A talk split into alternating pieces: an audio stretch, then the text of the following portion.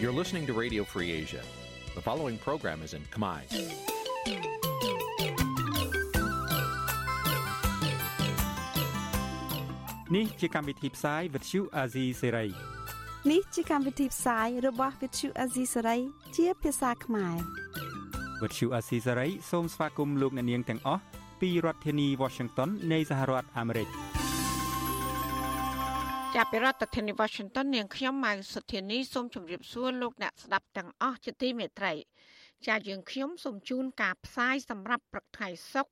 រ9កើតខែពិសាខឆ្នាំថោះបញ្ញស័កពុទ្ធសករាជ2566ហើយដល់ត្រូវនៅថ្ងៃទី28ខែមេសាគ្រិស្តសករាជ2023ជាជាកិច្ចចាប់ផ្ដើមនេះនាងខ្ញុំសូមអញ្ជើញលោកអ្នកនាងកញ្ញាស្ដាប់ព័ត៌មានប្រចាំថ្ងៃដែលមានមេត្តាដូចតទៅ ម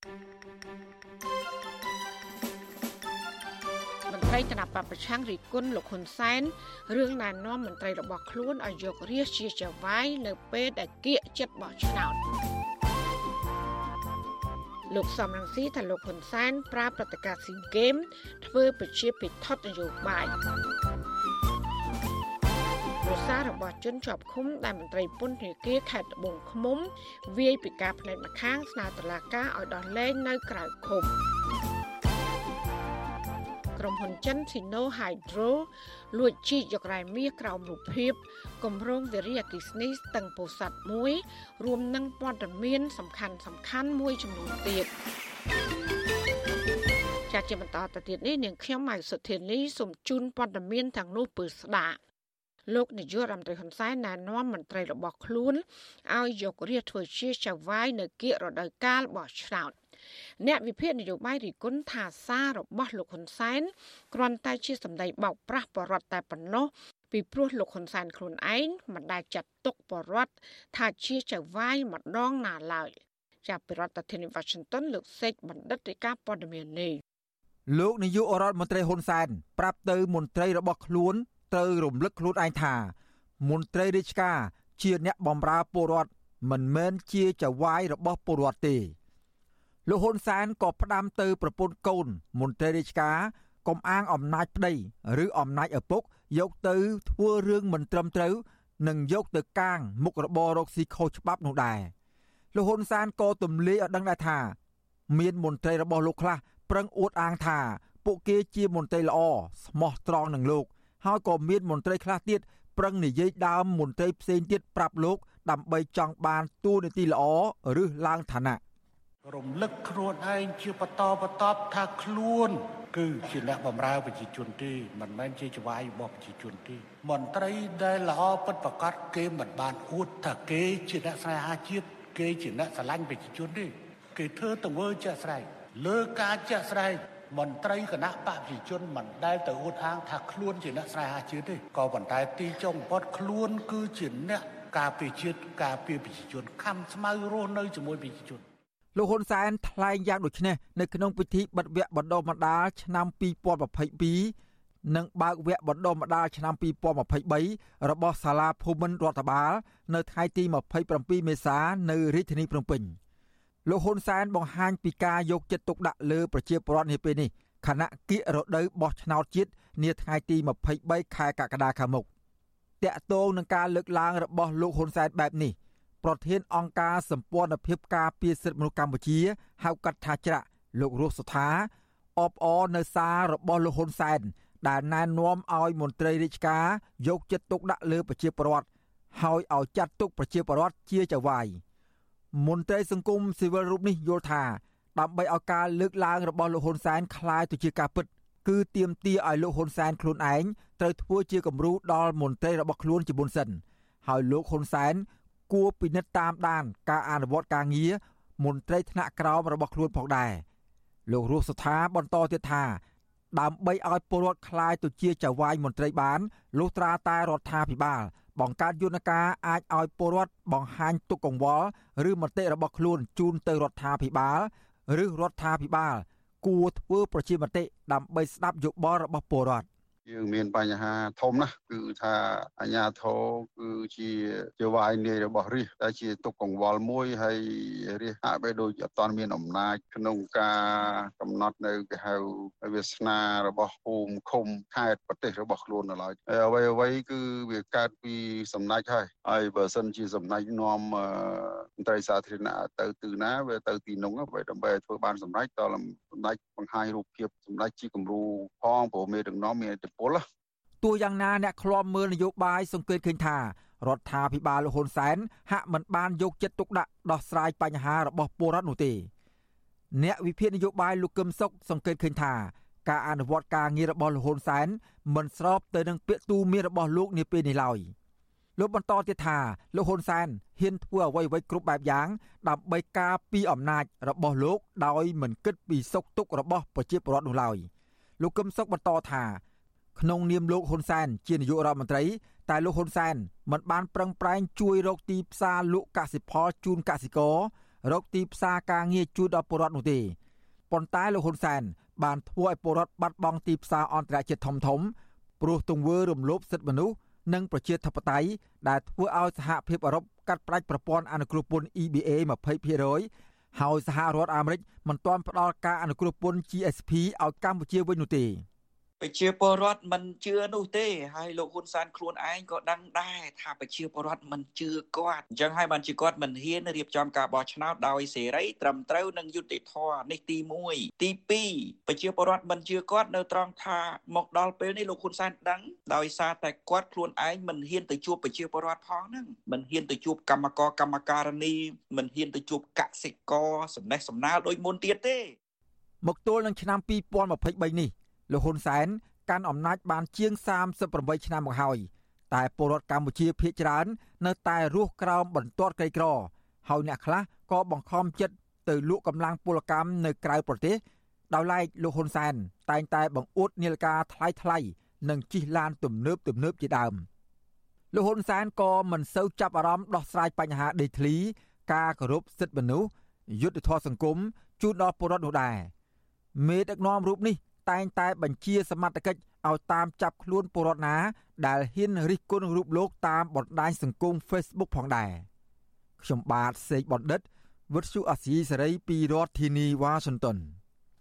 ចាលោកអ្នកស្ដាប់ទទីមេត្រីពាក់ព័ន្ធនឹងលោកហ៊ុនសែនដែលប្រកាសមិនយកកម្រៃលើសេវាកម្មនៅក្នុងព្រឹត្តិការណ៍ SEA Games លោកសំរងស៊ីប្រធានស្ដីទីគណៈបកសង្គ្រោះជាតិលើកឡើងថាទង្វើនេះគឺជានយោបាយប្រជាពិធ និងទិញទឹកចិត្តបរដ្ឋពីសំណាក់លោកហ៊ុនសែនសម្រាប់ការបោះឆ្នោតសកលអាណត្តិទី7ខាងមុខនេះតើមានហេតុផលណាខ្លះដែលលោកសំរងស៊ីអះអាងថាជានយោបាយប្រជាពិធចាសសូមលោកដានៀងកញ្ញារងចាំស្ដាប់បទសម្ភាសន៍របស់លោកយ៉ងច័ន្ទតារាជាមួយលោកសំរងស៊ីអំពីរឿងនេះនៅក្នុងការផ្សាយរបស់យើងនាពេលបន្តិចទៀតនេះ ចាលោកនាយកជាទីមេត្រីរដ្ឋធម្មនុញ្ញកម្ពុជា បែងចែកអំណាច3ដាច់ពីគ្នាគឺអំណាចនីតិបញ្ញត្តិនីតិប្រតិបត្តិនិងអំណាចតុលាការប៉ុន្តែផ្ទុយទៅវិញលោកនាយករដ្ឋមន្ត្រីហ៊ុនសែនបានកាន់កាប់អំណាចទាំង3នេះទាំងស្រុងរួមទាំងស្ថាប័នព្រះមហាក្សត្រផងលើសពីនេះទៀតលោកហ៊ុនសែនក៏បានតាំងខ្លួន ថាជាស្ដេចផែនដីថែមទៀតផង ចារបបរបស់លោកបានចាប់ខ្លួនអ្នកប្រឆាំងដាក់គុកប៉ុន្តែចំពោះអ្នកណាដែលហៅលោកថាសម្ដេចពុកហើយលន់តួឲ្យសម្ដេចពុកជួយដោះលែងនោះមិនត្រឹមតែលោកហ៊ុនសែនដោះលែងវិញប៉ុណ្ណោះទេលោកថែមទាំងផ្ដល់ទួនាទីជារដ្ឋខាតិការនិងអនុរដ្ឋខាតិការថែមទៀតផងចាសសូមលោកអ្នកកញ្ញារងចាំស្ដាប់នឹងទេសនានេតិវេទិកាអ្នកស្ដាប់វិទ្យុអសីស្រី នៅយប់ថ្ងៃសុក្រនេះដែលនឹងជជែកអំពីបញ្ហានេះកុំបីអាខាន បើសិនបើលោកណានៀងមានសំណួរឬចង់សាកសួរវាគ្មិនរបស់យើងឬក៏ចង់បញ្ចេញមតិយោបល់សូមលោកនាងកញ្ញាដាក់លេខទូរស័ព្ទលោកអ្នកនៅក្នុងខ្ទង់ comment Facebook និង YouTube របស់វិទ្យុអសីស្រីដែលកំពុងផ្សាយផ្ទាល់នោះក្រុមការងាររបស់យើងនឹងហៅទៅលោកនាងវិញចាសសូមអរគុណ ចាលោកណានៀងជាទីមេត្រីដោយឡែកអ្នកចូលរួមកម្មវិធីសេរីភាពព័ត៌មានពិភពលោកក៏បានស្នើរដ្ឋាភិបាលលើកកម្ពស់ការអនុវត្តច្បាប់ ស្ដីពីរបបសារព័ត៌មានដើម្បីលើកកម្ពស់យុត្តិធម៌សង្គម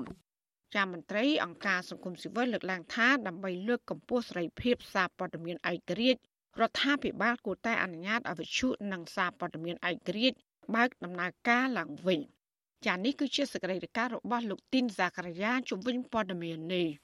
ក្រុមអ្នកសារព័ត៌មានដែលបានចូលរួមកម្មវិធីសេរីភាពសារព័ត៌មានពិភពលោកលើកឡើងថាស្ថាប័នសារព័ត៌មាននិងអ្នកសារព័ត៌មានឯករាជ្យកាន់តែរងការគំរាមកំហែងដោយសារតែរដ្ឋាភិបាលលោកហ៊ុនសែនមិនអនុវត្តច្បាប់ស្តីពីរបបសារព័ត៌មាន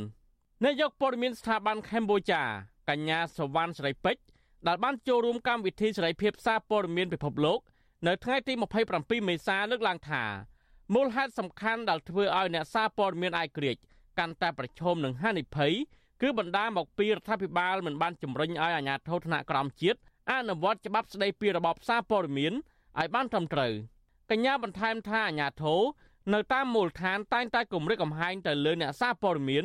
នៅពេលពួកគេចុះទៅយកព័ត៌មានពីផលប៉ះពាល់ពីការអភិវឌ្ឍនិងការរំលោភសិទ្ធិមនុស្សហើយនេះ គឺជាមូលហេតុដែលធ្វើឲ្យប៉ះពាល់ដល់វិជ្ជាជីវៈសារព័ត៌មានកញ្ញាសវណ្ណសេរីពេជ្របន្តថាការរដ្ឋបတ်សេរីភាពអ្នកសារព័ត៌មានឯករាជ្យមិនត្រឹមតែធ្វើឲ្យប៉ះពាល់ដល់សេរីភាពសារព័ត៌មានតែប៉ុណ្ណោះទេគឺធ្វើឲ្យអំពើអយុត្តិធម៌សង្គមកាន់តែកើនឡើងផងដែរដោយសារតែរដ្ឋាភិបាលមិនបានទទួលព័ត៌មានគ្រប់ជ្រុងជ្រោយពីប្រជាពលរដ្ឋដែលកំពុងតែប្រឈមនឹងបញ្ហានានា យើងប្រកាសយើងធ្វើយុទ្ធនាការអីផ្សេងផ្សេងតាមតែប្រព័ន្ធផ្សព្វផ្សាយឬក៏មានតែក្នុងសិភៅឬក៏អនុក្រឹត្យឬក៏សេចក្តីប្រកាសផ្សេងផ្សេងឯងប៉ុន្តែអនុវត្តជាក់ស្ដែងហ្នឹងគឺត្រូវធ្វើមិនឲ្យអ្នកអនុវត្តក្រោមមូលដ្ឋានខាងខោមហ្នឹងគឺគាត់យល់ពីច្បាប់អស់ហ្នឹងច្បាស់អញ្ចឹងណាកុំឲ្យការប្រកាសផ្សេងហើយការអនុវត្តផ្សឹងសេចក្តីប្រកាសព័ត៌មានរបស់មជ្ឈមណ្ឌលសិទ្ធិមនុស្សកម្ពុជា CCHR ចេញផ្សាយនៅថ្ងៃទី26មេសាថា នៅចន្លោះថ្ងៃទី1កញ្ញាឆ្នាំ2021ដល់ថ្ងៃទី31សីហាឆ្នាំ2022មានអ្នកសារព័ត៌មានចំនួន20នាក់ត្រូវបានយាយីតាមផ្លូវតុលាការដោយសារតែការបំពេញការងាររបស់ពួកគេ ហើយអាជ្ញាប័ណ្ណប្រព័ន្ធផ្សព្វផ្សាយចំនួន4ត្រូវបានដកហូតមជ្ឈមណ្ឌលសិទ្ធិមនុស្សបន្តថាអាជ្ញាធរកម្ពុជាក៏បរាជ័យក្នុងការអនុវត្តច្បាប់ឲ្យមានប្រសិទ្ធភាព ក្នុងរយៈពេល2ទសវត្សរ៍ចុងក្រោយនេះក្នុងការបើកចំហសេរីភាព សម្រាប់អ្នកសារព័ត៌មាននិងប្រព័ន្ធផ្សព្វផ្សាយអាយក្រិចវិទ្យុអាស៊ីសេរីមិនអាចតតងប្រធានអង្គភិបអ្នកណែនាំពាក្យរដ្ឋាភិបាលលោកផៃសិផានដើម្បីសំសួរអំពីបញ្ហានេះបានទេនៅថ្ងៃទី27មេសាទោះជាយ៉ាងណាអ្នកនាំពាក្យក្រសួងព័ត៌មានលោកផុសសវណ្ណ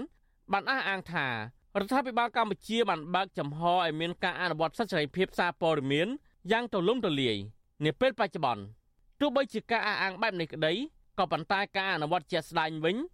អ្នកសារព័ត៌មានអាចក្រិចនៅកម្ពុជាពុំមានសេរីភាពក្នុងការចុះផ្សាយនិងចុះយកព័ត៌មាននោះឡើយតែទៅនឹងបញ្ហានេះនាយកាមជ្ឈមណ្ឌលសិទ្ធិមនុស្សកម្ពុជានៅឆ្លៃចောက်សភាពយល់ឃើញថាដើម្បីបង្ហាញថារដ្ឋាភិបាលពិតជាមានចេតនាលើកកម្ពស់ការអនុវត្តសេរីភាពសារព័ត៌មានពិតប្រាកដមែននោះរដ្ឋាភិបាលគួរតែទម្លាក់ចោលបទចោទប្រកាន់ទៅលើអ្នកសារព័ត៌មានឯករាជ្យទាំងអស់ហើយបើកឲ្យស្ថាប័នព័ត៌មាន VOD ដំណើរការឡើងវិញ នៅស្រីចោតសភាបន្ថែមថាការរដ្ឋបတ်សេរីភាពសារព័ត៌មានគឺប្រៀបបានដូចជាការបាត់សិទ្ធិសេរីភាពទទួលបានព័ត៌មានរបស់ប្រជាពលរដ្ឋផងដែរហើយអ្នកស្រីស្នើរដ្ឋាភិបាល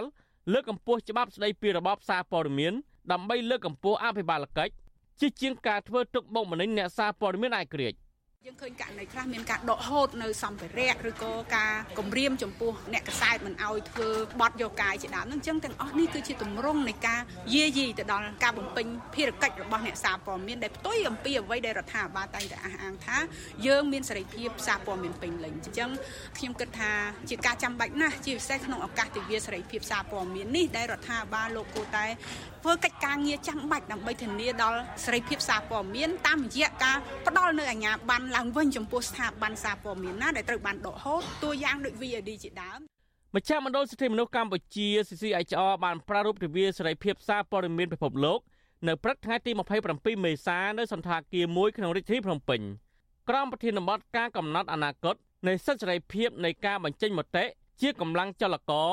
នៃសិទ្ធិដទៃទៀតទន្ទឹមនឹងនេះ មជ្ឈមណ្ឌលសិទ្ធិមនុស្សកម្ពុជា បានសរសេរប្រវត្តិរូបសង្ខេបនិងផលិតជាវីដេអូអំពីបុគ្គលដែលបានចូលរួមលើកកម្ពស់សេរីភាពសារព័ត៌មានចំនួន15នាក់ដោយពួកគេទាំងនោះភាគច្រើនជាអ្នកសារព័ត៌មានឯករាជ្យនិងអ្នកសរសេរព័ត៌មានតាមសហគមន៍ដែលបានបំពេញការងារយ៉ាងសកម្មក្នុងការលើកកម្ពស់យុទ្ធធម៌សង្គមនិងការពារប្រៃឈើសេរីភាពសារព័ត៌មាននៅកម្ពុជាកាន់តែរងការរឹតបន្តឹងដោយសារតែលោកហ៊ុនសែនបានប្រើប្រាស់អំណាចតាមទំនឹងចិត្ត ដើម្បីធ្វើទុកបុកម្នេញអ្នកសារព័ត៌មានអាយក្រិច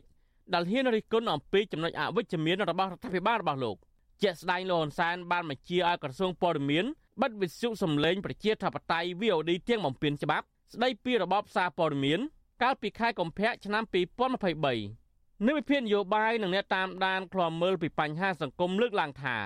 សេរីភាពសារព័ត៌មាននឹងមិនអាចប្រសើរឡើងវិញបានទេដរាបណាតឡាការនៅកម្ពុជា នៅតែស្ថិតនៅក្រោមអធិបតេយ្យរបស់ក្រុមគ្រួសារលោកហ៊ុនសែននោះខ្ញុំទីនសាការីយ៉ាស៊ីសេរីប្រធានីវ៉ាស៊ីនតោនចាលោកនានីជាទីមេត្រីដែលឡាយតាក់ទងនឹងរដ្ឋមន្ត្រីក្រសួងមហាផ្ទៃលោកសខេងវិញលោកនឹងទៅបំពេញទស្សនកិច្ចផ្លូវការនៅប្រទេសចិន រយៈពេល3ថ្ងៃចាប់ពីថ្ងៃទី28ដល់ថ្ងៃទី30ខែមេសាខាងមុខតាមការអញ្ជើញរបស់សមាជិកក្រុមប្រឹក្សារដ្ឋ និងជារដ្ឋមន្ត្រីក្រសួងសន្តិសុខសាធារណរដ្ឋនៃប្រទេសចិន គឺលោកវ៉ាងសៀវហុងលោកសខេងនឹងធ្វើជាសហប្រធានដឹកនាំកិច្ចប្រជុំបូកសរុបនិងវាយតម្លៃលទ្ធផលកិច្ចសហប្រតិបត្តិការអនុវត្តច្បាប់ ឆ្នាំ2022រវាងក្រសួងទាំងពីរមេដឹកនាំចិននិងលោកហ៊ុនសែនធ្លាប់អះអាងថាប្រទេសទាំងពីរគឺជាមិត្តដៃថែបការដឹកនាំរបស់លោកហ៊ុនសែនពឹងផ្អែកសេដ្ឋកិច្ចទៅលើចិនដែលជាខ្នងបង្អែក ក្រៅតែពីមេដឹកនាំប្រទេសទាំងពីរចងសម្ព័ន្ធភាពនយោបាយហើយនិងសេដ្ឋកិច្ចនោះលោកហ៊ុនសែនក៏បានដាក់គោលដៅចាប់យកទេសចរចិន មកកម្ពុជាជាអតិភិបផងដែរកាលពីខែមីនាលោកហ៊ុនសែនបានដាក់គោលដៅទទួលភ្ញៀវទេសចរចិន ចាប់ពី3លាននាក់ទៅ5លាននាក់ក្នុងមួយឆ្នាំហើយក៏បានបង្កើនការហោះហើរកម្ពុជាចិន មានចំនួន300ជើងក្នុងមួយសប្តាហ៍ ផ្ទុយពីការចង់បានរបស់លោកហ៊ុនសែននេះបរដ្ឋកម្ពុជាបានលើកឡើងថាជនជាតិចិន បានយកកម្ពុជាជាទីកន្លែងប្រព្រឹត្តអំពើខុសច្បាប់ ដូចជាការជួញដូរគ្រឿងញៀនជួញដូរមនុស្សការចាប់ចម្រិតតាមអនឡាញជាដើមចាលោកនានីជាទីមេត្រីវិទ្យុអសីស្រីបង្កើតកម្មវិធីថ្មីមួយឈ្មោះថាស្ត្រីគំរូ ស្ត្រីគំរូនេះគឺសំដៅទៅដល់ស្ត្រីដែលអង្គអាចក្លាហានពូកែមោះមុតមានសមត្ថភាពពិសេសជាគំរូនៅក្នុងសហគមន៍ជាអ្នកតស៊ូក្នុងជីវិតហ៊ានលះបង់ដើម្បីអ្នកដទៃនិងប្រយោជន៍សង្គមជាដើមស្ត្រីគំរូទាំងនោះអាចជាអ្នកនៅក្បែរខ្លួនលោកអ្នកនៅក្នុងគ្រួសារនិងនៅក្នុងសហគមន៍ចាក្នុងនោះអាចជាស្ត្រីស្ម័គ្រចិត្តលះបង់ពេលវេលាជួយកម្មវិធីនានាស្ត្រីអ្នកឡើងថ្នោត អ្នកនេសាទដូនចាស់ចំណាយពេលវេលា មើលថែទាំកុមារតូចតូចជាដើមជាបច្ចុប្បន្នស៊ីស្រីសូមអរគុណលោកណានៀងទុកជាមុននិងសូមឲ្យលោកណានៀងជួយណែនាំស្ត្រីគំរូក្នុងចិត្តរបស់លោកអ្នកមកបច្ចុប្បន្នស៊ីស្រីដើម្បីផ្សព្វផ្សាយឲ្យសាធារណជនបានស្គាល់និងបានដឹងអំពីវីរភាពរបស់ពួកគាត់ចាលោកណានៀងអាចដាក់ឈ្មោះស្ត្រីគំរូក្នុងចិត្ត និងលេខទូរស័ព្ទដែលក្រុមការងាររបស់វិទ្យុអសីសេរីអាចតាក់ទងបាននៅក្នុងប្រអប់សារ Facebook ហើយនិង YouTube របស់វិទ្យុអាស៊ីសេរីចាសសូមអរគុណ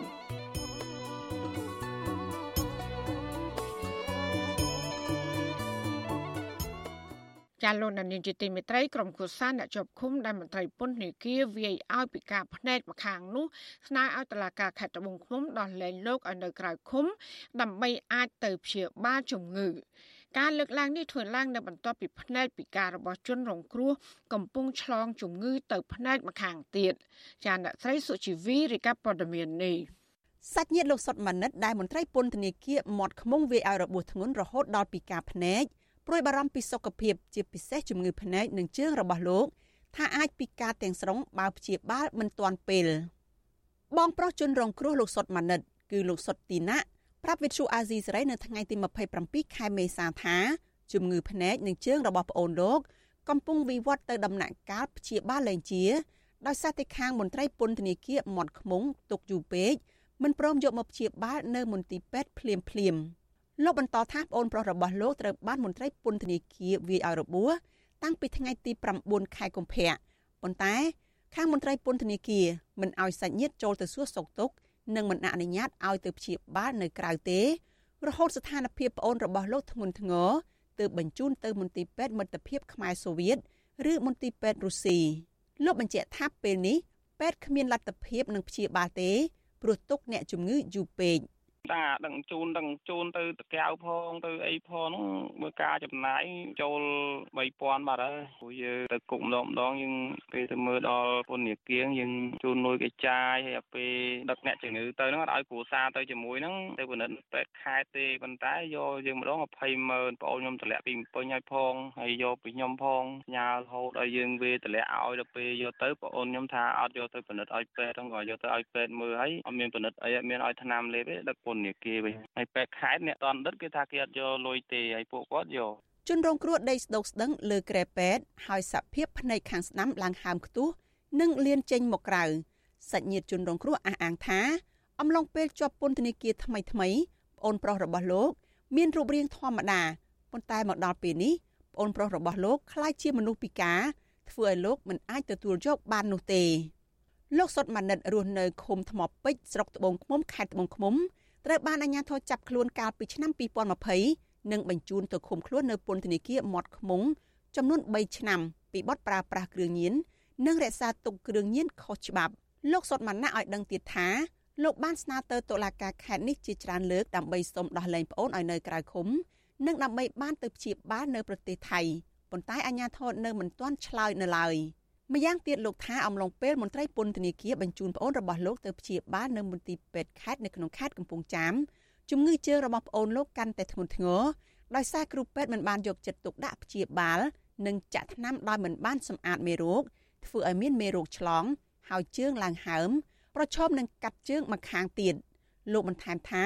ប្អូនប្រុសរបស់លោកត្រូវមន្ត្រីពន្ធនាគារវាយកាលពីថ្ងៃទី9ខែកុម្ភៈរហូតដល់ខែមិនិនា ទើបលោកបានដឹងថាភ្នែកប្អូនរបស់លោកមានសភាពហើមមានខ្ទុះដំបៅវិទ្យុអស៊ីសេរីមិនអាចតាក់ទងแนะនាំពាក្យអគ្គនាយកដ្ឋានពន្ធនាគារនៃក្រសួងមហាផ្ទៃលោកនុតសាវណ្ណានិងប្រធានពន្ធនាគារខេត្តត្បូងឃ្មុំលោកកែប៊ុនហួរដើម្បីសូមការអធិប្បាយបានទេនៅថ្ងៃទី27ខែមេសាដោយទូរស័ព្ទហៅចូលប៉ុន្តែពុំមានអ្នកទទួលតែកតិននៅរឿងនេះមន្ត្រីឃ្លាំមើលការរំលោភសិទ្ធិមនុស្សនៃសមាគមការពារសិទ្ធិមនុស្សអាត6ប្រចាំខេត្តត្បូងឃ្មុំ លោកលេងសេងហានមានប្រសាសន៍ថាអញ្ញាធិបពពន់គួរតែពិចារណាដោះលែងលោកសុតម៉ាណិតឲ្យនៅក្រៅឃុំបណ្ដោះអាសន្នដើម្បីឲ្យគ្រួសារបានមើលថែទាំសុខភាពលោក ពីព្រោះបើទុកយូរអាចនឹងប៉ះពាល់ដល់អាយុជីវិត លោកបន្តថាបើទោះបីជាអ្នកជាប់ឃុំដោយសារតែបទចោទអ្វីក៏ដោយពួកគេគ្រាន់តែបាត់បង់សិទ្ធិសេរីភាពដើរហាងតែប៉ុណ្ណោះប៉ុន្តែសេវាគាំពារសុខភាពផ្សេងផ្សេងពួកគេអាចទទួលបានគ្រប់គ្រប់គ្នាដូច្នេះ អាជ្ញាធរត្រូវអនុវត្តច្បាប់ឲ្យមានតម្លាភាពខ្ញុំឃើញថាករណីនេះខាងក្រសួងអតីហើយនិងក្រសួងយុតិធធជាពិសេសគេយុទ្ធឋានពន្ធនាគារនឹងគួរតែមានគណៈកម្មការមួយដើម្បីសិក្សាជ្រាវរកឲ្យឃើញអំពីមូលហេតុនឹងថាតើលោកសុតមនិតនឹងករណីនឹងវាកើតឡើងដោយសារអីរកឲ្យឃើញដើម្បីផ្ដល់ភាពយុត្តិធម៌ឲ្យគាត់ហើយបើសិនជារកឃើញថាជនប្រព្រឹត្តមែនគាត់នឹងគួរតែត្រូវបានមកអនុវត្តទោសតាមច្បាប់ ច្បាប់ស្តីពីពន្ធនាគារចំពោះទី5មាត្រា38ចែងថាជនជាប់ឃុំដែលមានជំងឺត្រូវបានទទួលសេវាថែទាំសុខភាពជាប្រចាំថ្ងៃដោយមន្ទីរពេទ្យពន្ធនាគារករណីជនជាប់ឃុំដែលមានជំងឺធ្ងន់ហើយតម្រូវឲ្យមានការសង្គ្រោះបន្ទាន់នៅមន្ទីរពេទ្យខាងក្រៅប្រធានពន្ធនាគារត្រូវបញ្ជូនអ្នកជំងឺទៅមន្ទីរពេទ្យជាបន្ទាន់តាមសំណើរបស់មន្ត្រីពេទ្យពន្ធនាគារហើយត្រូវជូនដំណឹងជាបន្ទាន់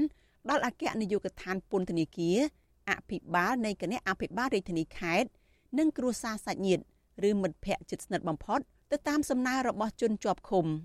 ទោះបីជាមានការស្នើសុំពីសាច់ញាតិអ្នកជំងឺយ៉ាងណាក៏ដោយក៏មន្ត្រីពន្ធនាគារអនុវត្តច្បាប់ហាក់លំអៀងទៅរកអ្នកមានអំណាចពីព្រោះកន្លងមកមានអក្រិតជន ប្រព្រឹត្តបទល្មើសធំធំដូចជាករណីឃាតកម្មការជួញដូរគ្រឿងញៀនត្រង់ស្រីធំក៏ពួកគេមិនបានជាប់ពន្ធនាគារទៅតាមអំណាចសាលក្រមរបស់តុលាការដែរ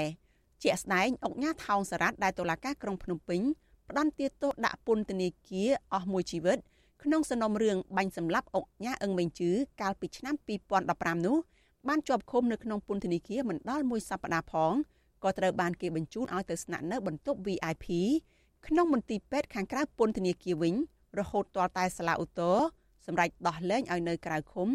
កាលពីខែវិច្ឆិកាឆ្នាំ2019 រីឯបងប្រុសបង្កើតរបស់លោកគិតម៉េងគឺលោកគិតធៀងវិញតុលាការក្រុងភ្នំពេញបានកាត់ទោសឲ្យជាប់ពន្ធនាគារ4ឆ្នាំក្នុងករណីជួញដូរគ្រឿងញៀនជិត50គីឡូក្រាមប៉ុន្តែលោកជាប់ឃុំប្រមាណតែកន្លះខែក៏ត្រូវបានគេបញ្ជូនឲ្យទៅស្នាក់នៅក្នុងបន្ទប់ VIP នៅមន្ទីរពេទ្យខាងក្រៅពន្ធនាគារដែររហូតទាល់តែសាលាឧទ្ធរកាត់តម្រឹមទោសត្រឹមតែ2ឆ្នាំហើយដោះលែងលោកនៅក្នុងឆ្នាំ2021នាងខ្ញុំសុជីវីវិទ្យុអាស៊ីសេរី ពីរដ្ឋធានី Washington លោកអ្នកស្ដាប់ជាទីមេត្រីសាលាដំបងខេត្តកំពតបានសម្រេចឃុំខ្លួនអុកញ៉ាជាសរននិងបាក់ពួកចំនួន8នាក់ផ្សេងទៀតពីបទឆោបបោកប្រាក់របស់បរិវត្តចំនួនជាង40លានដុល្លារអាមេរិកពាក់ព័ន្ធនឹងរឿងទិញដីលោក ចៅក្រមស៊ើបសួរសាលាដំបងខេត្តកំពតលោកភៀបសុភា កាលពីថ្ងៃទី27ខែមេសាបានចេញដោយការបង្គាប់ឲ្យឃុំខ្លួនលោកអុកញ៉ាជាសរនអាយុ38ឆ្នាំនិងបពពួកលោកចំនួន8នាក់ផ្សេងទៀតនៅពន្ធនាគារខេត្តកំពតពីបទឆោបបោក មានតឋានទម្ងន់ទោសប្រព្រឹត្តនៅស្រុកឈូកនិងស្រុកជុំគិរីខេត្តកំពត ចាប់តាំងពីថ្ងៃទី8ខែសីហាឆ្នាំ2018រហូតមកដល់បច្ចុប្បន្ន កាលពីថ្ងៃទី22ខែមេសាកន្លងទៅនេះអភិបាលខេត្តកំពតលោកម៉ៅធុនលិនបានចុះទៅសម្របសម្រួលនិងដោះស្រាយករណីម្ចាស់ក្រុមហ៊ុនអភិវឌ្ឍដីឡូលោកជាសារ៉ានជាមួយប្រជាប្រដ្ឋជិត3000គ្រួសារពីបាត់ឆោបបោកបរដ្ឋឲ្យខ្ចីលុយពីស្ថាប័នធនាគារនិងមីក្រូហិរញ្ញវត្ថុរួមទាំងការចំណាយលុយផ្ទាល់ខ្លួនផង ដើម្បីទៅទិញដីឡូរបស់លោកអុកញ៉ាជាសារ៉ាន បរដ្ឋរងគ្រោះអះអាង ថាពួកគាត់លងជឿការឃោសនារបស់ក្រុមហ៊ុន ហើយក៏បាននាំគ្នាទៅខ្ចីលុយធនាគារដើម្បីបានចំណេញប្រាក់ដោយខ្ចីធនាគារចំនួន10000ដុល្លារគឺត្រូវបង់ឲ្យក្រុមហ៊ុន តែ7000ដុល្លារប៉ុណ្ណោះហើយក្រុមហ៊ុនធានារ៉ាប់រងបង់សងធនាគារទាំងអស់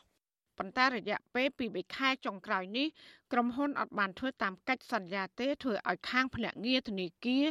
មកទារលុយពួកគាត់រៀងរាល់ថ្ងៃហើយពួកគាត់ត្រូវបង់ការប្រាក់រាល់ខែ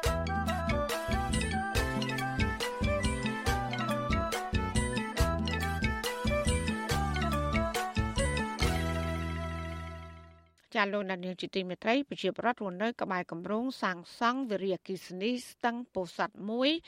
ដែលស្ថាបនាដោយក្រុមហ៊ុន Sino Hydro សង្ស័យថាក្រុមហ៊ុនមួយនេះកំពុងលួចលាក់ជីកយករ៉ែមាសដឹកយកទៅប្រទេសរបស់ខ្លួនក្រោមរូបភាពសាងសង់ទំនប់វិរិយអគិសនីចានេះគឺជាសកម្មភាពពុស្ដាររបស់លោកមានរិទ្ធជំវិញព័ត៌មាននេះប្រជាពលរដ្ឋរស់នៅឃុំប្រម៉ោយស្រុកវាវែងខេត្តពោធិ៍សាត់ អះអាងថាក្រុមហ៊ុនចិន Sino Hydro ដែលមកការសាងសង់ទំនប់វារីអគ្គិសនីនៅស្ទឹងពោធិ៍សាត់ពីក្រុមហ៊ុនស្ទឹងពោធិ៍សាត់ Hydro Power កំពុងលួចជីកយករ៉ែមាសដឹកចេញទៅក្រៅប្រជាពលរដ្ឋថាកម្មករខ្មែរដែលចូលធ្វើការនៅក្នុងការដ្ឋានក្រុមហ៊ុននេះបានប្រទះឃើញជនជាតិចិនជីកយកថ្មដែលមានលាយមាសដាក់ក្នុងកែឈើបិទជិតរួចដឹកចេញទៅក្រៅការដ្ឋានជាប្រចាំ ប្រជាពលរដ្ឋរស់នៅភូមិទួលគ្រោះនិងភូមិស្ទឹងថ្មីប្រាវិសុអាស៊ីស្រីនៅថ្ងៃទី27ខែមេសាថាពលរដ្ឋក្នុងភូមិដែលជាកម្មករបានជួយលើកកេះឈើដាក់លើឡានក៏ប្រទះឃើញថ្មលាយឡំដោយពណ៌មាសហើយកន្លែងទាំងនោះគេមិនអនុញ្ញាតឲ្យកម្មករខ្មែរចេញចូលនោះទេ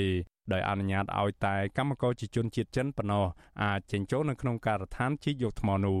បុរដ្ឋបន្តទៀតថាកម្មករខ្មែរដែលដឹងអំពីថ្មលាយមាសត្រូវបានក្រុមហ៊ុនបញ្ឈប់ពីការងារហើយប្រជាពលរដ្ឋបន្ថែមថាពួកគេមិនហ៊ានផ្សព្វផ្សាយព័ត៌មាននេះទៅកាន់អ្នកសារព័ត៌មាននោះទេដោយសារអាជ្ញាធរមូលដ្ឋាន បានគម្រាមកំហែងដល់ពួកគេកាច់ក្នុងកាច់ទៀតហើយកុំឲ្យយើងអត់ដឹងទេអត់ដឹងដឹកចេញទេគេដុំមកធ្លាក់ចូលមកតាជួយថ្មពណ៌មានសុទ្ធទេមានជុំ កុំឲ្យឲ្យយើងអត់ដឹងទេប៉ាន់វាហៅកម្មករជួយលើកវាលើកអត់អត់រួចហៅកម្មករហ្នឹងជួយលើកគាត់តែទំនប់គេសក់បើកឡានជួយក្នុងនោះមកយើងដឹងផងដឹកបើកទៅឡានចេញកាន់អិច2នៅក្នុងភ្នំហ្នឹងបុរដ្ឋរូបនេះបន្តទៀតថាជនជាតិចិនម្នាក់បានស្លាប់នៅក្នុងពេលដែលពួកគេកំពុងចុះសិក្សាស្រាវជ្រាវពីការសាងសង់ទំនប់វារីអគ្គិសនីនេះអ្នកភូមិចាត់ទុកថាការស្លាប់នេះគឺជាការដាក់ទោសទណ្ឌពីអ្នកតាក្រហមកដែលបានរក្សាព្រៃភ្នំនៅតំបន់នោះ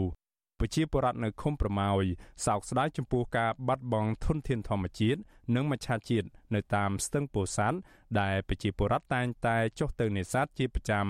ដើម្បីផ្គត់ផ្គង់គ្រួសារដោយពលរដ្ឋខ្លះអាចរកត្រីទៅលក់រកកម្រៃទុកសម្រាប់កូនរបស់ពួកគេសិក្សារៀនសូត្របន្ថែមទៀតផងវិសុវអាស៊ីស្រីមិនអាចសុំការបំភ្លឺរឿងនេះពីតំណាងក្រុមហ៊ុន Sino Hydro បាននៅឡើយទេ ចំណែកឯអភិបាលខេត្តពោធិ៍សាត់វិញ គឺលោកខូយរីដាក៏វិសុវអាស៊ីស្រីមិនអាចតាក់ទងសុំអត្ថាធិប្បាយជុំវិញរឿងនេះបាននៅឡើយដែរនៅថ្ងៃទី27ខែមេសារីឯអ្នកនាំពាក្យក្រសួងរាយនឹងធម្មពលលោកអឹងឌីប៉ូឡាមិនអត្ថាធិប្បាយទេដោយលោកចុចបិទទូរស័ព្ទសកម្មជនបរិស្ថានលោក Alejandro Gonzalez Davidson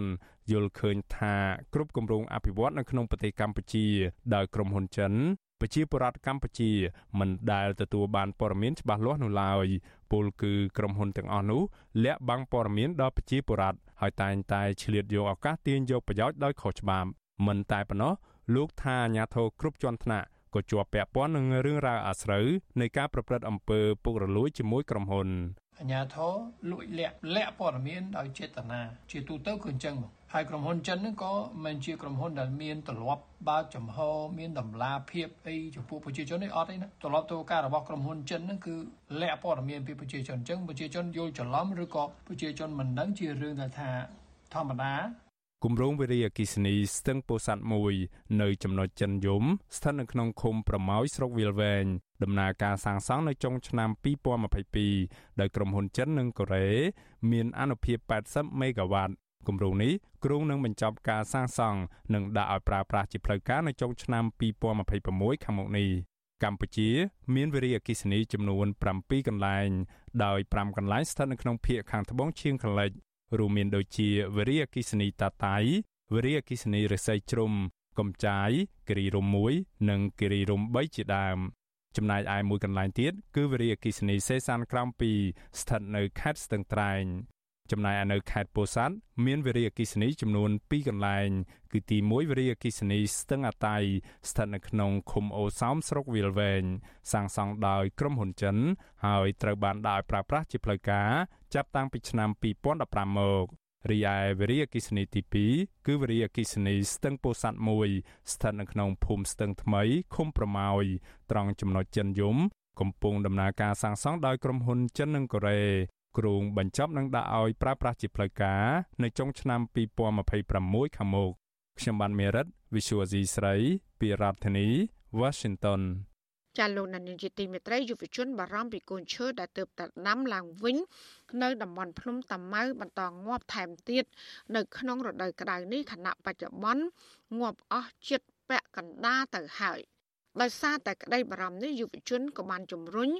យអាជ្ញាធរបង្កើនការយកចិត្តទុកដាក់មើលថែទាំកូនឈើនៅតំបន់ទេសចរប្រវត្តិសាស្ត្រមួយនេះចាសសូមស្ដាប់សេចក្តីរាយការណ៍របស់លោកលេងម៉ាលីជំវិញព័ត៌មាននេះក្រមយុវជនស្រឡាញ់បរិស្ថានជំរុញដល់អាជ្ញាធរពាក់ព័ន្ធឲ្យបង្កើនការយកចិត្តទុកដាក់មើលថែកូនឈើ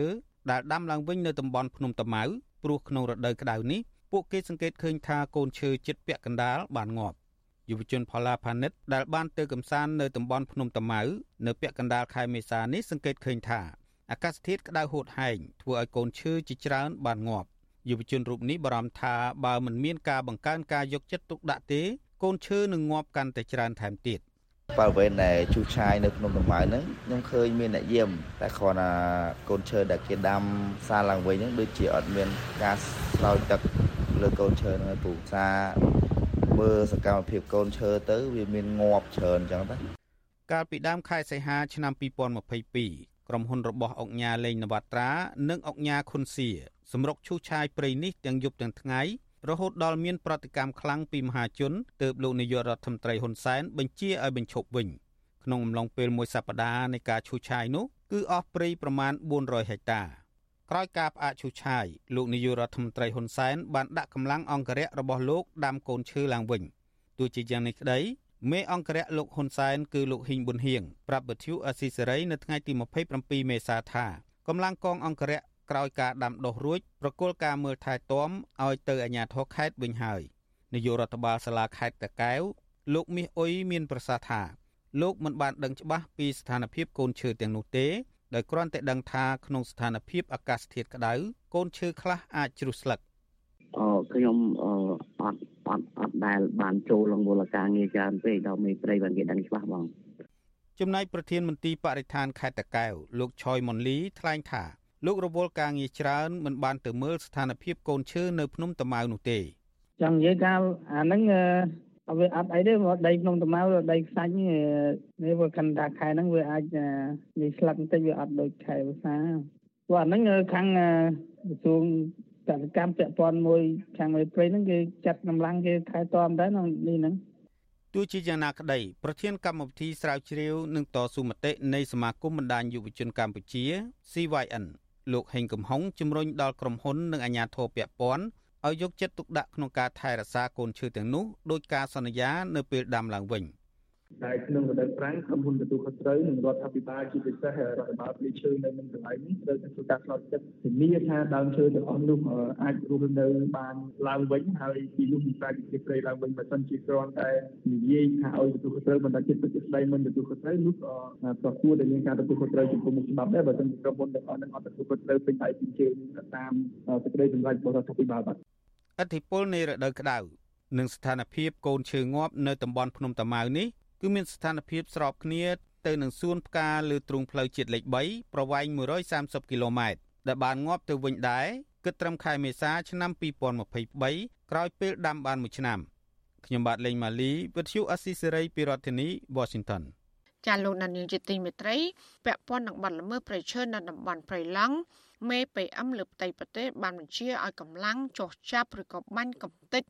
ក្រុមអ្នកជើងកាងឬក៏ក្រុមមន្ត្រីរដ្ឋការបើកឲ្យមានការកាប់ព្រៃឈើប៉ះសិនបើពួកគេប្រើអាវុធបាញ់តដៃនិងសមត្ថកិច្ចមេ PM លើផ្ទៃប្រទេសរូបនេះថាការបំផ្លិចបំផ្លាញព្រៃឈើនៅតែបន្តកើតមានដោយសារតែអាជ្ញាធរថ្នាក់ខេត្តអសកម្មនិងប្រព្រឹត្តអំពើពុករលួយជាប្រព័ន្ធ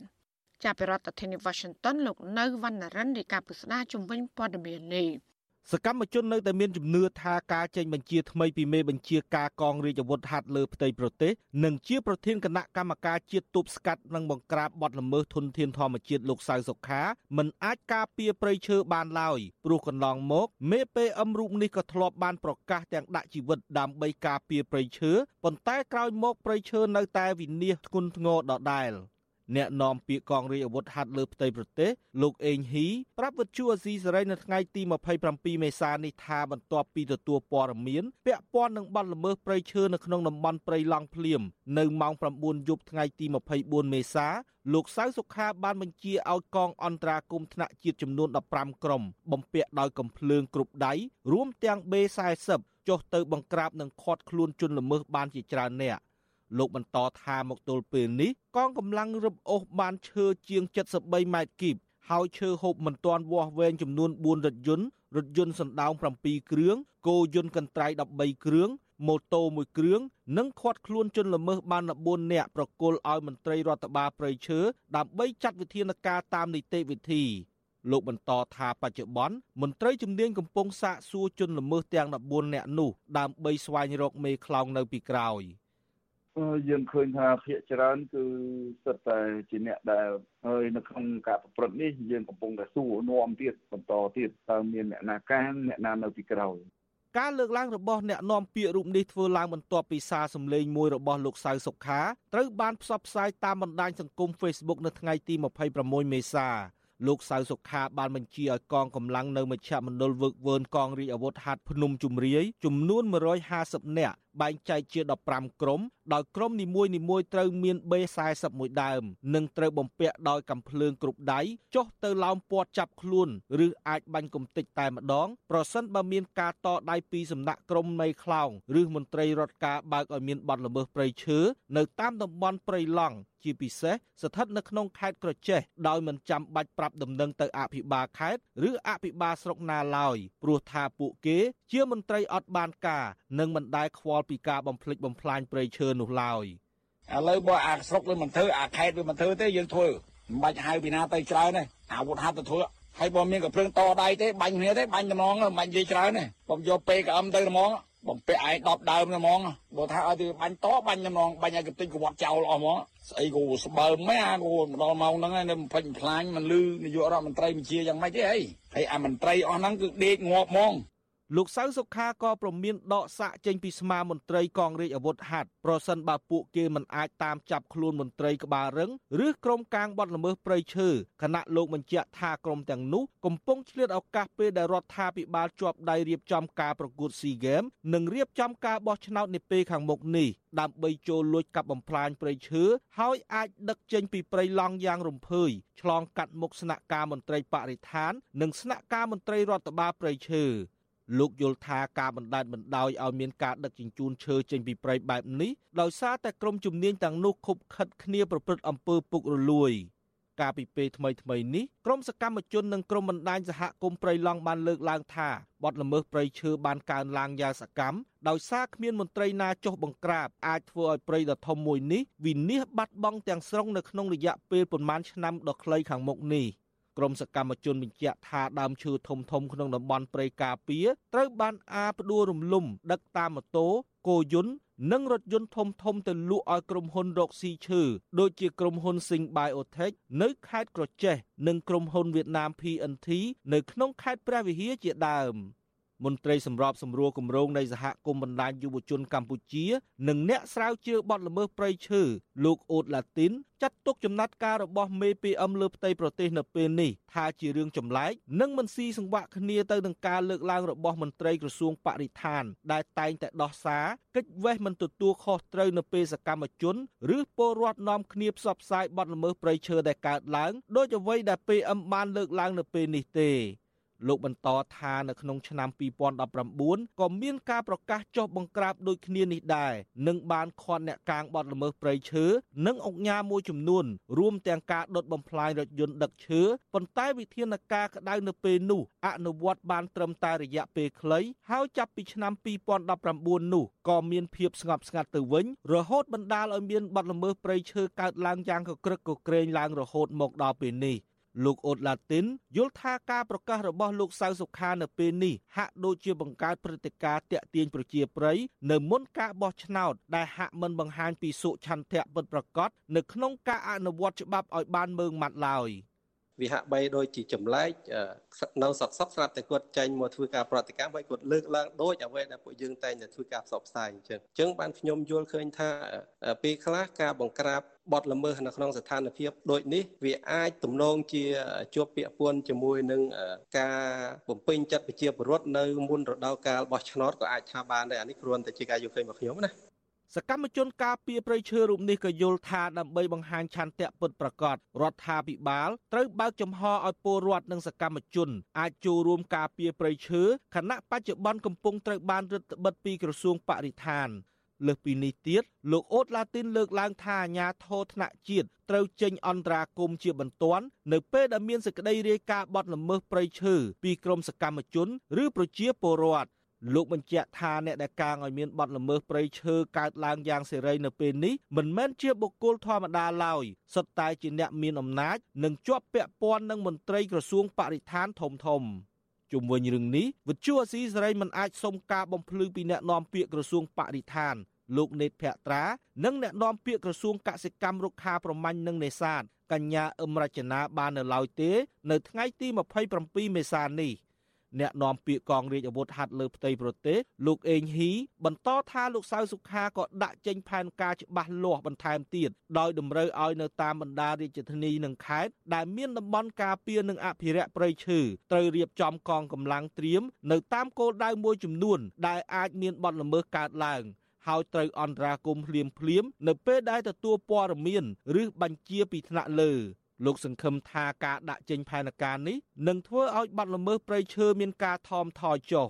ខ្ញុំបាទនៅវណ្ណរិន with Chu Azizi Saray ពីរដ្ឋធានី Washington thank you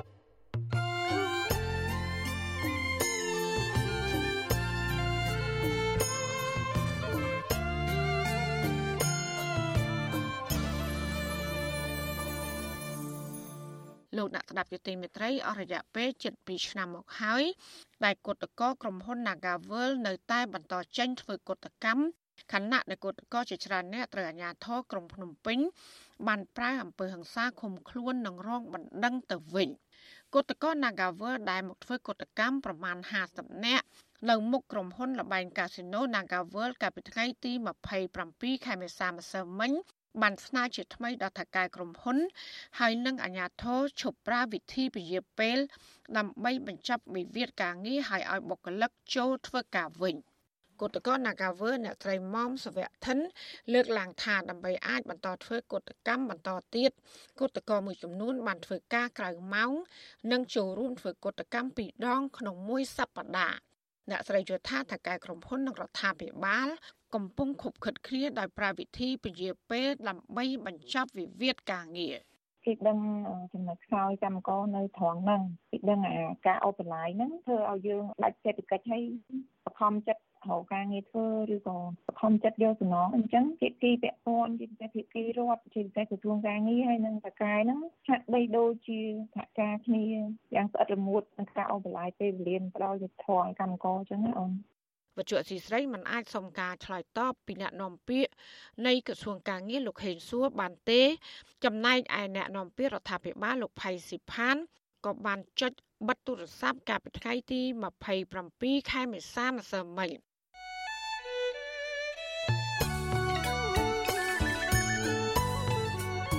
ចាលោកដានីជាទីមេត្រីដំណើរគ្នានឹងស្ដាប់ការផ្សាយរបស់វិទ្យុអសីស្រីតាមបណ្ដាញសង្គម Facebook និង YouTube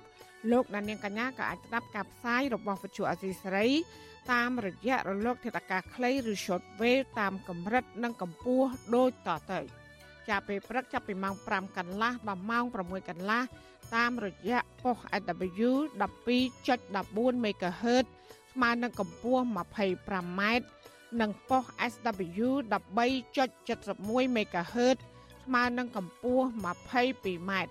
សម្រាប់ពេលយប់វិញគឺចាប់ពីម៉ោង7កន្លះដល់ម៉ោង8កន្លះតាមរយៈប៉ុស SW 9.33 MHz ស្មើនឹងកម្ពស់ 32m ប៉ុស SW 11.88 MHz ស្មើនឹងកម្ពស់ 25m និងប៉ុស SW 12.14 MHz ស្មើនឹងកម្ពស់ 25m ចាសសូមអរគុណ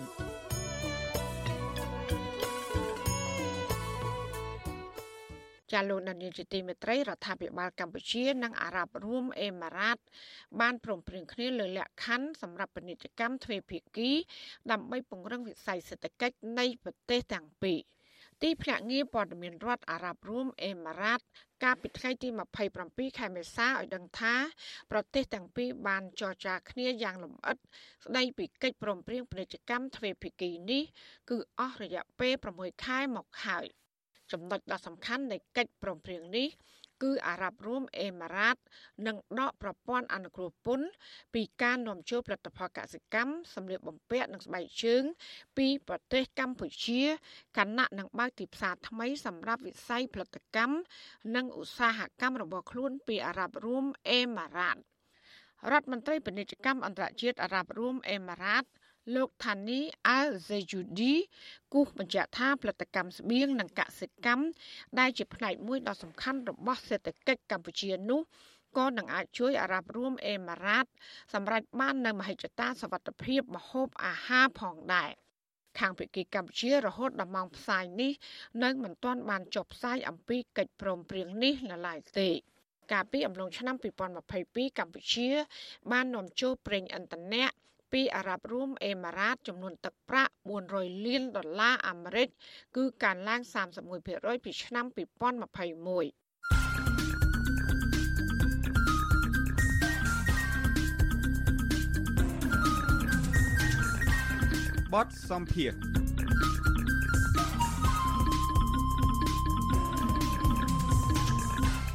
ចាលោកនាយកជាទីមេត្រីលោកសំរងស៊ីប្រធានស្ដីទីគណៈបកសង្គ្រោះជាតិលើកឡើងថាការដែលមិនយកកម្រៃលើសេវាកម្មនានា នៅក្នុងព្រឹត្តិការណ៍ស៊ីហ្គេមគឺជានយោបាយប្រជាពិធនិងជាការទិញទឹកចិត្តបរដ្ឋពីសំណាក់លោកនាយករដ្ឋមន្ត្រីហ៊ុនសែនលោកសំរងស៊ីថានយោបាយបែបនេះគឺធ្វើឲ្យជាតិបាត់បង់ចំណូលរាប់លានដុល្លារហើយបរដ្ឋខ្មែរគឺជាអ្នករ៉ាប់រងការចំណាយតាមរយៈការបង់ពន្ធ ចាអតីតរដ្ឋមន្ត្រីក្រសួងសេដ្ឋកិច្ចនិងហិរញ្ញវត្ថុរូបនេះជឿថាលោកហ៊ុនសែននឹងយករឿងស៊ីហ្គេមនេះ ទៅតាក់ទាញទឹកចិត្តប្រជាពលរដ្ឋនៅពេលបោះឆ្នោតនាខែកក្កដាខាងមុខចាសសូមលោកនាងស្ដាប់បទសម្ភាសន៍របស់លោកយ៉ងច័ន្ទរាជាមួយលោកសំរងស៊ីជុំវិញព័ត៌មាននេះដូចតទៅអៃដាមប្រហែលជាបានដឹងហើយថាព្រឹត្តិការណ៍កីឡាស៊ីហ្គេមលើកទី32នេះ នឹងប្រព្រឹត្តទៅនៅកម្ពុជាចាប់ពីថ្ងៃទី5ដល់ថ្ងៃទី17ខែឧសភា មានន័យថាក្នុងរយៈពេលឆាប់ឆាប់ខាងមុខនេះហើយក៏ប៉ុន្តែអ្វីដែលយើងសង្កេតឃើញថាប្លែកខ្លាំងបំផុតនោះគឺថារដ្ឋាភិបាលកម្ពុជាបានប្រកាសថានឹងមិនយកកម្រៃនោះទេរាប់ទាំងការចូលទស្សនាការផ្សាយបន្តផ្ទាល់ជាពិសេសគឺការហូបចុកនិងការស្នាក់នៅរបស់ប្រតិភូកីឡាបរទេសនោះតែម្ដង។ បាទលោកហ៊ុនសែនបានប្រកាសឬមួយក៏បកស្រាយថាការសម្រេចបែបនេះគឺដើម្បីតាក់ទាញនៅភ្ញៀវទេសចរបរទេសដើម្បីមកកម្ពុជាឲ្យបានកាន់តែច្រើន ហើយម្យ៉ាងវិញទៀតនោះលោកថាការធ្វើបែបហ្នឹងក៏ដើម្បីឲ្យថ្ងៃក្រោយទៅនឹងប្រទេសអាស៊ានដទៃទៀតនោះគឺថាអាចនឹងពិចារណាមិនយកកម្រៃពីកម្ពុជាវិញដែរថាតើឯកឧត្តមមានទស្សនៈយ៉ាងណាដែរចំពោះរឿងនេះបាទអ្វីដែលហ៊ុនសែនកំពុងធ្វើគឺជានយោបាយប្រជាពិធគឺ ធ្វើឲ្យប្រជាពលរដ្ឋយល់ច្រឡំថាហ៊ុនសែននឹងចិត្តល្អឲ្យចូលមើលកីឡាដោយមិនចាំបាច់ទិញសម្បត្តិអាចទទួលបានអាហារហូបចុកអីហ្នឹងគឺសួរថាថវិកាដែលរៀបចំដែលផ្ដល់ជាចំណីអាហារដោយមិនគិតថ្លៃហ្នឹងគឺបានមកពីណា គឺលុយប្រជាពលរដ្ឋដដែលទៅ លុយដែលប្រមូលពីពន្ធដារគឺញើសឈាមប្រជាពលរដ្ឋលុយដែលប្រមូលមកពីការគ្រប់គ្រងទ្រព្យសម្បត្តិជាតិគឺលុយប្រជាពលរដ្ឋដដែលហ្នឹងលោកហ៊ុនសែនគាត់លួចរាប់ម៉ឺនរាប់សែនគាត់យកមួយកាក់មួយសេនយកមកធ្វើប្រជាពិធខ្ញុំជឿថាប្រជារាស្ត្រមានការយល់ដឹងខ្ពស់ហ่าមិនទៅចាញ់បោកចាញ់ការឃោសនារបស់លោកហ៊ុនសែនទេបើយកលុយ ដែលជាញើសឈាមប្រជាពលរដ្ឋដែលប្រមូលបានតាមរយៈពន្ធដារលុយដែលប្រមូលបានពីការគ្រប់គ្រងទ្រព្យសម្បត្តិជាតិទ្រព្យសម្បត្តិធម្មជាតិនោះយកមកជួយប្រជាពលរដ្ឋពិតប្រាកដតាមប្រព័ន្ធអប់រំតាមប្រព័ន្ធសុខាភិបាលតាមប្រព័ន្ធសង្គមគិច្ចគឺជួយជាប្រចាំជួយជាប្រព័ន្ធអៃដាមនៅពេលដែលលោកហ៊ុនសែនបានប្រកាសថាមិនយកកម្រៃពីប្រតិភូកីឡាបរទេស ដែលពីដំបូងឡើយគេកំណត់ថាក្នុងម្នាក់នឹងត្រូវចំណាយ50ដុល្លារសម្រាប់ការហូបចុកនិងស្នាក់នៅ ក្នុងរយៈពេល1ថ្ងៃហ្នឹងហើយនឹងមិនយកលុយពី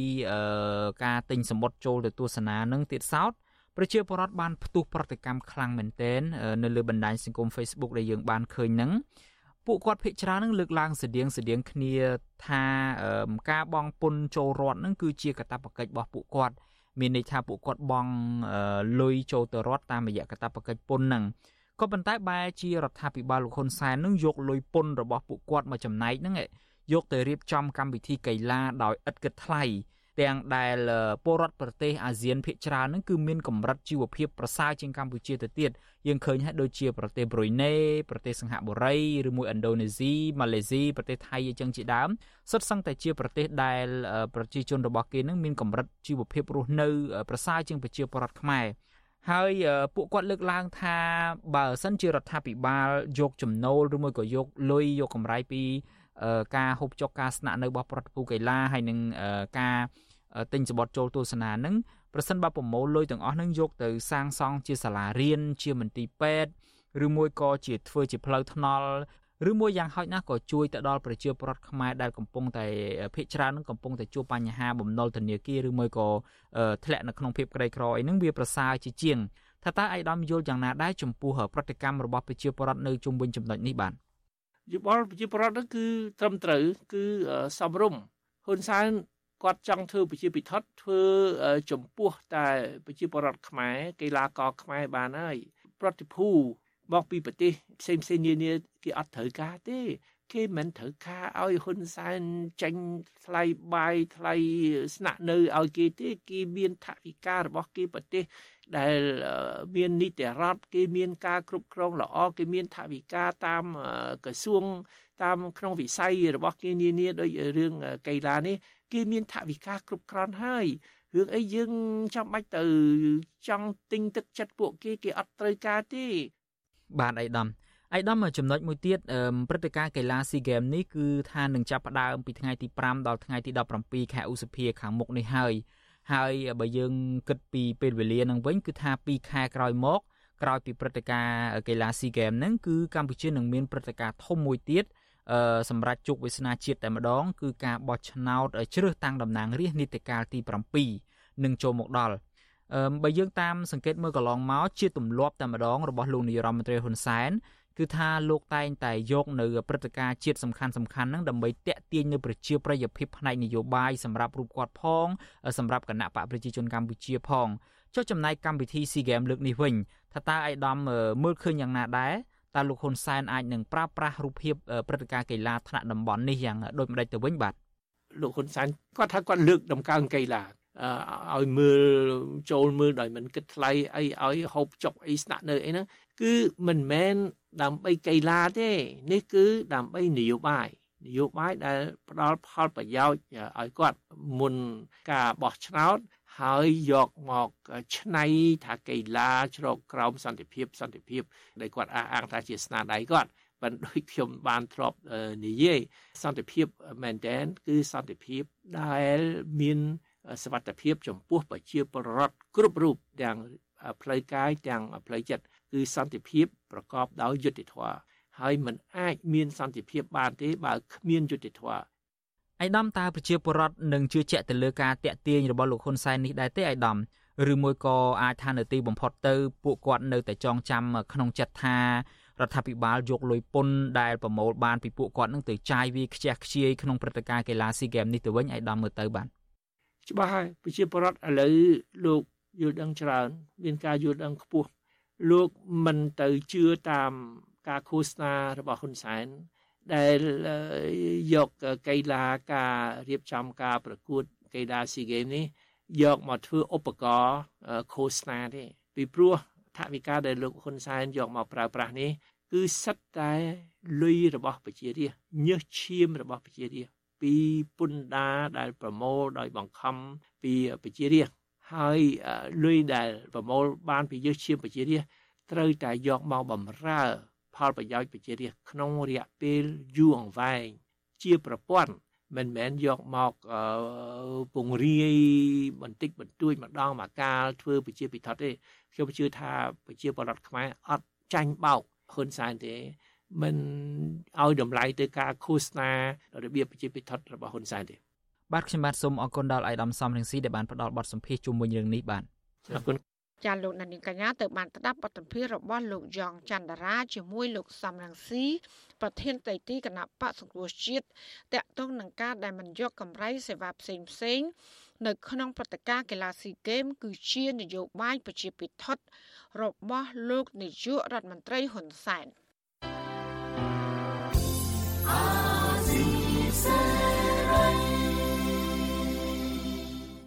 ចាលោកលានាងកញ្ញាអ្នកស្ដាប់ជាទីមេត្រីការផ្សាយរយៈពេល1ម៉ោងរបស់វិទ្យុអាស៊ីស្រីជាភាសាខ្មែរនៅពេលនេះចាប់តែប៉ុណ្ណេះចាយើងខ្ញុំទាំងអស់គ្នាសូមជូនពរលោកលានាងនិងក្រុមគ្រួសារទាំងអស់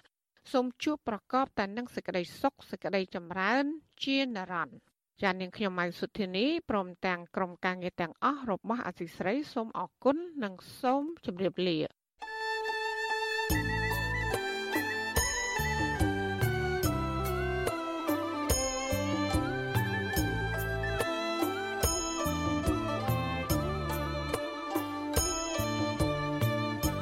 វិទ្យុអាស៊ីសេរីផ្សាយតាមរលក ធាតុអាកាសខ្លីតាមកម្រិត និងកម្ពស់ដូចតទៅនេះពេលព្រឹកចាប់ពីម៉ោង5កន្លះដល់ម៉ោង6កន្លះតាមរយៈប៉ុស SW 12.14 MHz ស្មើនឹងកម្ពស់ 25m និងប៉ុស SW 13.71 MHz ស្មើនឹងកម្ពស់ 22m ពេលយប់ចាប់ពីម៉ោង7កន្លះដល់ម៉ោង8កន្លះតាមរយៈប៉ុស SW 9.33 MHz ស្មើនឹងកម្ពស់ 32m ប៉ុស SW 11.88 MHz ស្មើនឹងកម្ពស់ 25m និងប៉ុស SW 12.14 MHz ស្មើនឹងកម្ពស់ 25m លោកអ្នកនាងក៏អាចស្ដាប់និងទស្សនាការផ្សាយផ្ទាល់នៅលើគេហទំព័ររបស់ Vuthu Azizi Saray តាមរយៈអាស័យដ្ឋាន rfa.org/ ខ្មែរក្រៅពីនេះលោកអ្នកនាងក៏អាចអាននិងទស្សនាព័ត៌មានវិទ្យុអាស៊ីសេរីលើទូរស័ព្ទដៃរបស់លោកអ្នកផ្ទាល់ សូមលោកអ្នកនាងដំឡើងកម្មវិធីវិទ្យុអាស៊ីសេរីនៅលើទូរស័ព្ទដៃរបស់លោកអ្នកនាងឬស្វែងរកវិទ្យុអាស៊ីសេរីនៅលើ YouTube ឬ Facebook ដោយស្វែងរកពាក្យថា Vichu Azizi Saray ឬ RFA ខ្មែរ